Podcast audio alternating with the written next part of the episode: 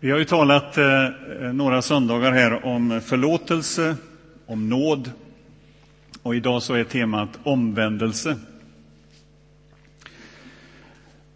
Jag tror att vi alla har erfarenhet eh, utav eh, detta att eh, det är inte alltid lätt att hålla sig vaken. Jag minns när jag var fiskare hur, hur svårt det var när man fick den där vakten mellan 12 och 3 på natten. Att hålla sig vaken då och styra en båt, det var inte det enklaste. Eh, och vi var två, som tur var, som kunde väcka varandra när vi slumrade till. Men det krävs en hel del. Och ni kanske har varit med om när ni har kört bil någon gång och det här med sömnen kommer över när man känner det, det är nästan omöjligt. Och då är det klokast att stanna och sova en stund. Eh, och för att inte tala om en gudstjänst som den här, hur svårt det kan vara att hålla sig vaken. Eh, jag har ju den eh, positionen att jag kan se vad som händer i en gudstjänst och jag kan eh, ha sett det några gånger. Ja, naturligtvis inte här i den här gudstjänsten, men i andra sammanhang. Det är inte alltid enkelt, det kan vara en prövning. Det var ju en pastor som drömde att han predikade och när han vaknade så gjorde han det. Sen var det en, en, en historia jag hörde om en som såg att det var en, en gudstjänstdeltagare som alltid somnade när han predikade, pastorn. Och pastorn eh, gick till honom en dag och sa att du, du sover alltid. Och, och dessutom så har jag sett att när någon annan predikar så är du vaken hela tiden.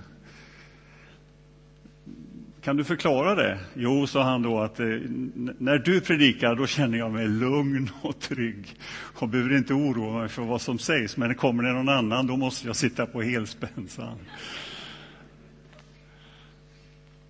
Men känn det att eh, slappna av, men slappna inte av för mycket utan var med nu i, i det som ska sägas och delas omkring omvändelse.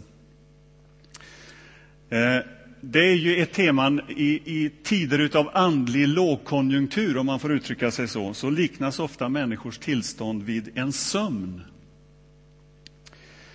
Jesus berättar ju en liknelse om de tio jungfrurna i Matteus 25. Eh, där fem var eh, förståndiga och fem var oförståndiga. Eh, och där, där talas om att de sov då, de var inte vakna. När lärjungarna ska, ska be i Getsemane tillsammans med Jesus så vet vi att de hade svårt att hålla sömnen tillbaka. De somnade gång på gång och Jesus får väcka dem. Och en vanlig uppfattning eller en vanlig uppmaning i Bibeln är just det här, håll er vakna. Och då menas inte kanske i första hand den fysiska sömnen utan den, den andliga sömnen som vi kan hamna i. Alltså att vi blir likgiltiga, att vi inte är på, på fötter eh, och är med. Själv är jag ju uppväxt, som många av er är uppväxta med eh, väckelsemöten, som de hette. Eh, där, vi, där det betonades hur viktigt det var att hålla sig vaken. Förnyelse, väckelse. Och jag tror att det är en viktig rot i vår historia som vi inte får missa. Och då menar jag inte i första hand formen som sån, utan själva kärnan, innehållet, att vara vaken, att vara bedjande, att vara på fötter. Att vara öppen för Andens tilltal, att vara öppen för Guds ledning i sitt liv. Att kunna lyssna, att kunna se, att förstå vad Herren gör med oss. Därför att vi är ju insatta allihop på något sätt i ett väldigt stort uppdrag. Ett uppdrag som omfattar hela världen. Gud vill att alla människor ska komma till honom. Och Petrus, han, han skriver, Johannes, han skriver i ett av sina brev så här att, att Kristus Jesus är vår, vår vän, vår präst och vän och han har dött för våra synder, ja, inte bara för våra, säger han, utan för hela världens synder, alltså alla människors. Och jag har stavat på det där, det betyder ju att alla människor som vi ser runt omkring oss, som vi möter på vårt jobb, på spårvagnen, på stan, var det än är. Alla dessa har Jesus Kristus dött för. Så på ett sätt så är ju alla försonade utan att veta om det. Och i det uppdraget har vi kallats att säga till människor, du är bestämd att leva i gemenskap med Far i himmelen. Du är kallad till det. Och i det uppdraget får vi stå och i det uppdraget vill Herren använda oss.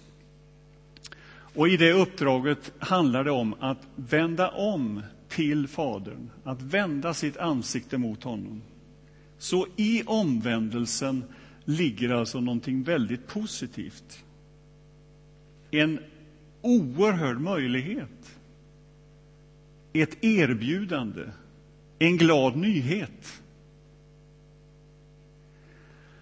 Det står om Jesus när han började sin verksamhet i, Markus 1 och 15 så står det så här. När Johannes hade blivit fängslad kom Jesus och förkunnade budskapet om riket och sa Guds rike är nära, omvänd er och tro på budskapet.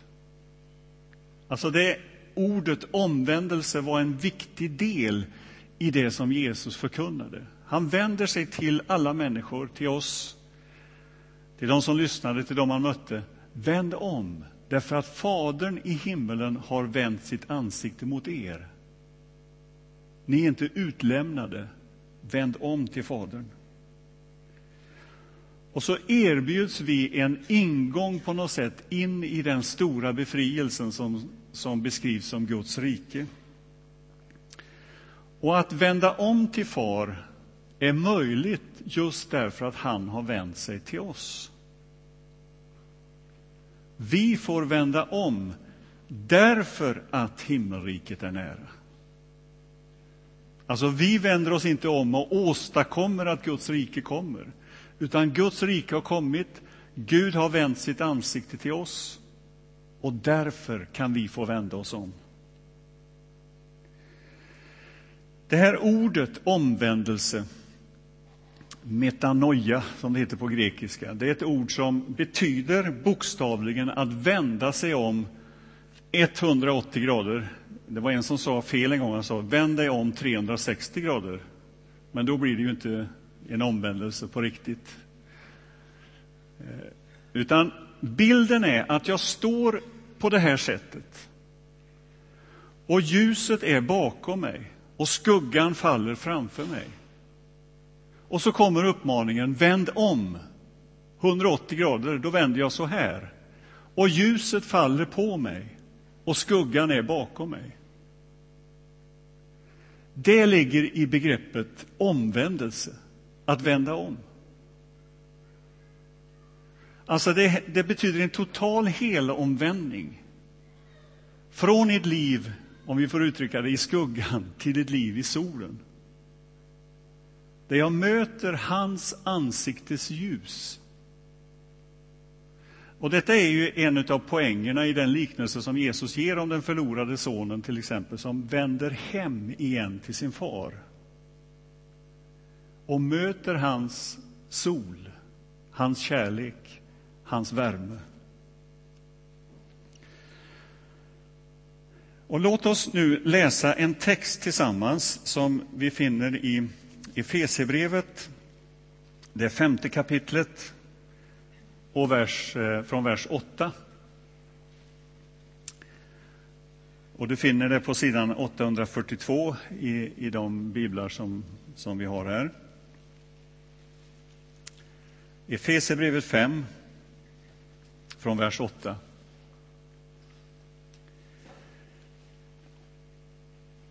En gång var ni mörker, men i Herren har ni nu blivit ljus. Lev som ljusets barn. Ljuset bär frukt överallt där det finns godhet, rättfärdighet och sanning och tänk på vad Herren vill ha. Ta inte del i mörkrets ofruktbara gärningar. Mer än så, avslöja dem. Och sådant folk har för sig i skymundan en skam till och med att tala om. Men när allt sammans avslöjas av ljuset blir det synligt. För överallt där något blir synligt finns ljus. Därför heter det Vakna, du som sover. Stå upp från de döda och Kristus ska lysa över dig. Se alltså, noga med upp, se, se alltså noga upp med hur ni lever, inte som ovisa människor, utan som visa. Ta väl vara på den tid som är kvar, ty dagarna är onda. Var därför aldrig oförståndiga, utan sök förstå vad som är Herrens vilja. Berusa er inte med vin, där börjar lastbarheten, utan låt er uppfyllas av Ande. Och tala till varandra med salmer och hymner och andlig sång. Sjung och spela för Herren av hela ert hjärta och tacka alltid vår Gud och Fader för allt i vår Herre Jesu Kristi namn. Alltså i den här rörelsen, om vi får uttrycka den så, eller beskriva den, omvändelserörelsen, så finns det ju både ett att man vänder sig till ljuset, till Jesus Kristus, till Gud själv. Men det finns ju också ett moment av att man vänder sig bort ifrån någonting. Det handlar alltså inte om den, som vi uttryckte det förra söndagen när vi talade om nåden, ett uttryck som Bonhoeffer har. Han talar om den billiga nåden. Och med billig nåd menar han omvändelse utan sinnesändring. Utan här talas om, eller beskrivs i den här texten om omvändelse, och det finns på andra ställen också. Alltså det är två moment i omvändelsen. Det ena är att man vänder sig till någonting och man vänder sig från någonting. Till Gud, till Kristus, till ljuset, från mörkret. Och Det här ordet omvändelse betyder just att byta tänkesätt, att byta motiv, att byta handlingsmönster. Lägg av, lägg bort, uppmanar oss Bibeln. Gå in i ljuset, men lägg bort det som hindrar. Så äkta omvändelse visar sig i handlingar, i gärningar. Det betyder konkret att det destruktiva handlingsmönstret byts ut eller tas bort för att jag ska kunna tillgodogöra mig hans ansiktes ljus som är vänt emot mig. Och Jesus är ju eh, minst sagt eh, väldigt tuff i sin undervisning när han talar om det här, inte minst i bergspredikan. Han säger ju så här att om din hand förför dig eller förleder dig, så hugg av den. Om ditt öga förför dig, så riv ut det. Och nu menar Jesus att så viktigt är det att vända sig bort och vända sig till någonting. Det ligger i själva ordet omvändelse. Och om vi skriver om detta som Jesus uttalade sig Alltså Jesus vill ju sätta fokus på hur viktigt det är att verkligen agera i, i omvändelsen, att vända sig bort och vända sig till. Om vi skriver om det så skulle man kunna säga så här att missbruket av till exempel min ställning, hur den nu än är, att det missbruk som jag på grund av min position kanske har som pastor eller som ledare om jag missbrukar den ställningen så finns det bara ett sätt att göra sig av med det. Och det är att träda fram i ljuset. Att erkänna, det här är fel, det här är orättfärdigt. Eller den otrohetsaffär som jag befinner mig i har ingen annan lösning än just bekännelse. Det är den dyrbara nåden som beskrivs. Eller konflikten som jag lever i har ingen annan lösning än bekännelse och förlåtelse. Att vända sig bort och vända sig till. Eller porrsurfandet som ödelägger mitt liv har ingen annan lösning än att jag träder fram i ljuset. Att jag vänder mig bort och vänder mig till. Eller ytligheten som förför mig. Det har ingen annan lösning än överlåtelse och ett genomlysande av mitt inre. Eller girigheten som drabbar mig, som lever inom mig, det har ingen annan lösning än ett erkännande. Och det här är en viktig del i de rötter vi bär på, som är en viktig kärna, en viktig åder i den kristna tron.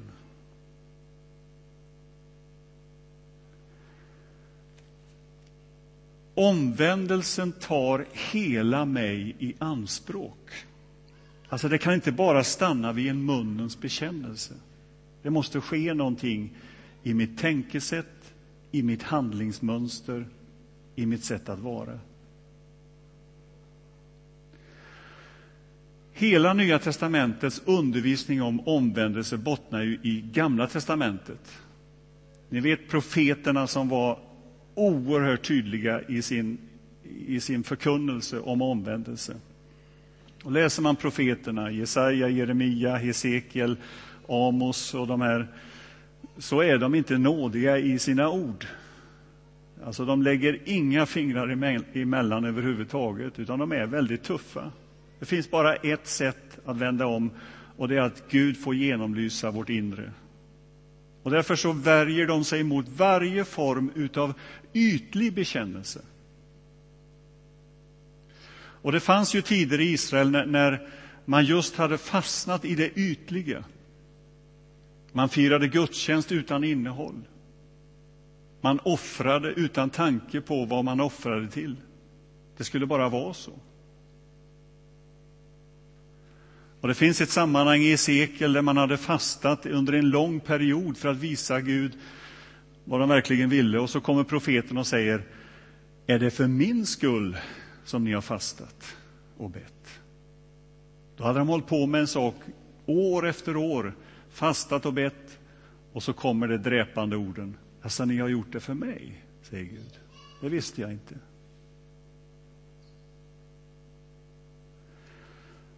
Och i Joels, profeten Joel, han skriver till dem eh, när de talar om att, att eh, de hade så att säga bättrat sig i säck och aska, de hade rivit sönder sina kläder inför Gud.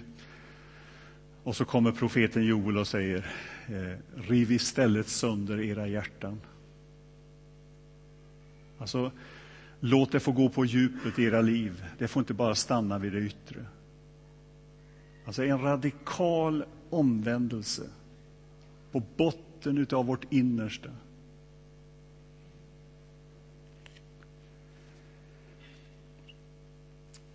I Uppenbarelseboken så finns det ju i inledningen av eh, boken sju brev till de sju församlingarna.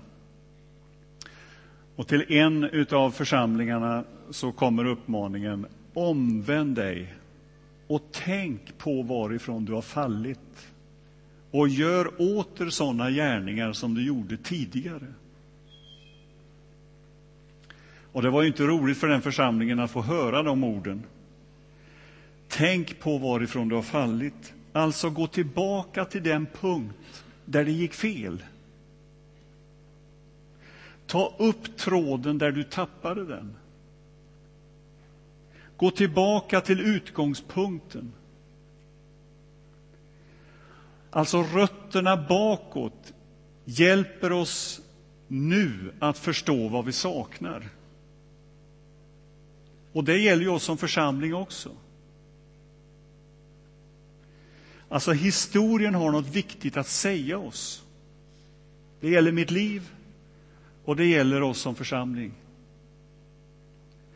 Och det kanske största problemet för oss idag som, som kyrka, det är just kanske ut, ytligheten. att det är därifrån vi har fallit. Att fördjupningen och överlåtelsen får på något sätt drabba oss på nytt.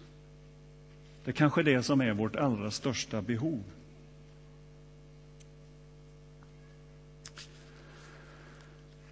Frank Mangs var ju en eh, förkunnare som verkade under en, en väldigt lång tid i, i, i Norden.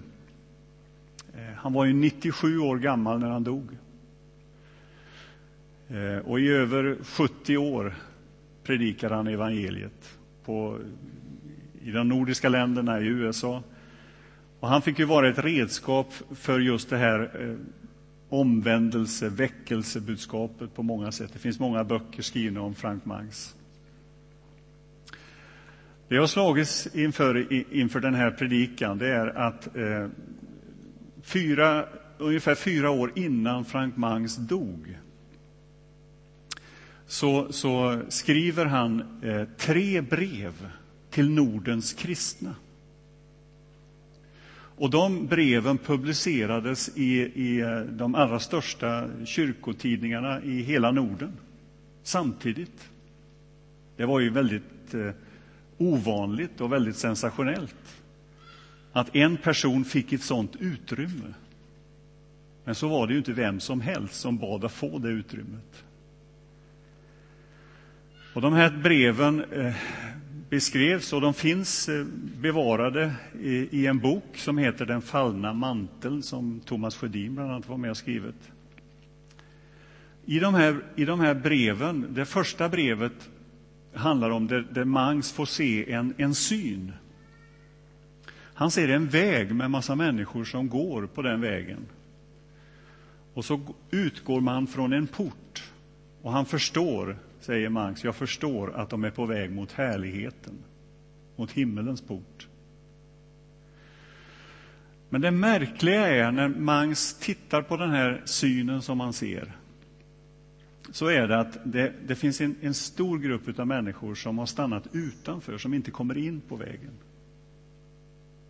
Och där ser han eh, också människor som har prästdräkt på sig och till och med evangelistkläder, uttrycker han det. Alltså han själv var ju evangelist. Och så förstår han att det budskapet i den första synen som han får, det handlar om just att domen på något sätt faller över oss i vårt uppdrag, i vårt förvaltarskap utav det vi har fått. Att förkunna de glada nyheterna. Att tala om för människor, far har vänt sig mot dig, vill du vända dig mot honom? Att göra det på ett så ärligt och rätt sätt som det bara är möjligt. Det andra brevet som Mang skriver handlar om eh, svårighet. Han, han ser en, en kvinna som är på väg att föda ett barn. Och hon får inte kraft att föda fram det. Och det är ju också ett väckelserop till oss som kyrka, som kristenhet. Hur svårt vi har att få visa på att du behöver bli född på nytt. Att människor kommer till tro. Och det tredje brevet som Mangs publicerar, det är egentligen ett väckelserop, en uppmaning. Låt er uppfyllas av Ande. Det är hans budskap där. Och det var ju det han förkunnade under över 70 år. Han talade om källan med det levande vattnet och att låta sig fyllas av det. Det var det testamentet som han förmedlade till Nordens kristenhet, som han uttryckte det. Jag kände jag ville dela det idag. Och jag tror det ligger mycket i, den, i det testamentet att sanningen, hängivenheten, överlåtelsen får vara det dominerande för oss. Vi, finner, vi, vi lever i en situation där det finns ett stort sökande efter mening och innehåll. Och där finns vi som redskap. Låt mig få avsluta med att ge dig en, en mening. Du ska få den här på, på bild. Den här meningen, Jesus Kristus, den korsfäste och uppståndne, kallar dig att vara sin lärjunge.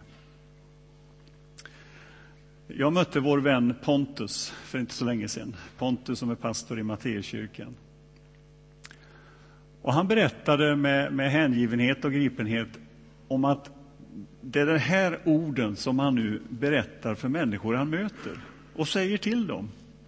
Jesus Kristus, den korsfäste och uppståndne, kallar det att vara sin lärjunge. Och jag blev så tagen av hans berättelse. För det ligger så mycket i detta. Detta är ord som uttalas över den som ska bli döpt, bland annat. Inom Svenska kyrkan eller i andra sammanhang också. Jesus Kristus, den korsfäste och uppståndne, kallar dig att vara sin lärjunge. Det här gäller alla människor i den här stan, i hela världen. Och detta är vi kallade att vända oss till. Alltså, Jesus kallar dig. Säg gärna ditt namn. Han kallar mig, Ingemar, att vara hans lärjunge, eller sin lärjunge i den här världen. Det är det som är vår bestämmelse. Det är det som är vårt... Det är det vi skapade för, att leva i det lärjungaskapet. Och omvändelse handlar om att vända sig till detta, inte bara som en ytlig bekännelse, utan som en levande verklighet, en realitet. Här vill jag stå, i detta lärjungaskap. Att gå med Jesus genom livet.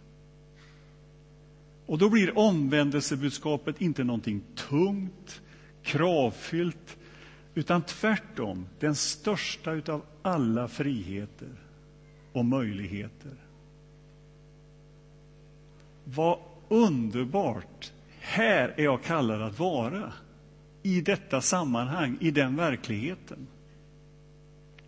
Och där, in i den gemenskapen, kallar Gud oss idag. Omvändelsen är alltså till för det som innebär att vi ska leva i det som är vår bestämmelse. Det som är meningen om ditt liv, det är att leva i den här verkligheten.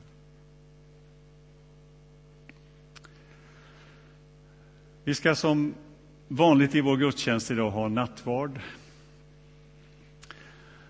Och du kanske tänker så här, ja, det är en, ett vanligt inslag. Men låt det inte få bli det idag. Låt det få vara ett, en möjlighet för dig att resa dig från din plats, att bildligt och bokstavligt få gå och omvända dig till Gud, till Jesus Kristus som kallar dig in i lärjungaskap.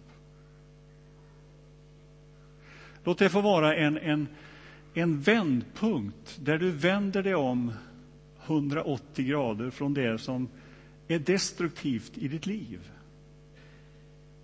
Det som tynger ner. Det som är ditt stora bekymmer. Det som är din hemlighet som du bär på.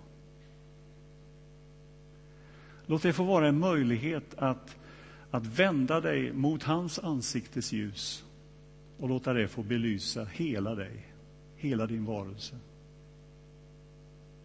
Och så är vi här på den här platsen med förbön. Här vid vår ljusbärare, men också vid vår förbönsplats där det finns förebedjare som vill be tillsammans med dig. Där du får säga, be för detta i mitt liv.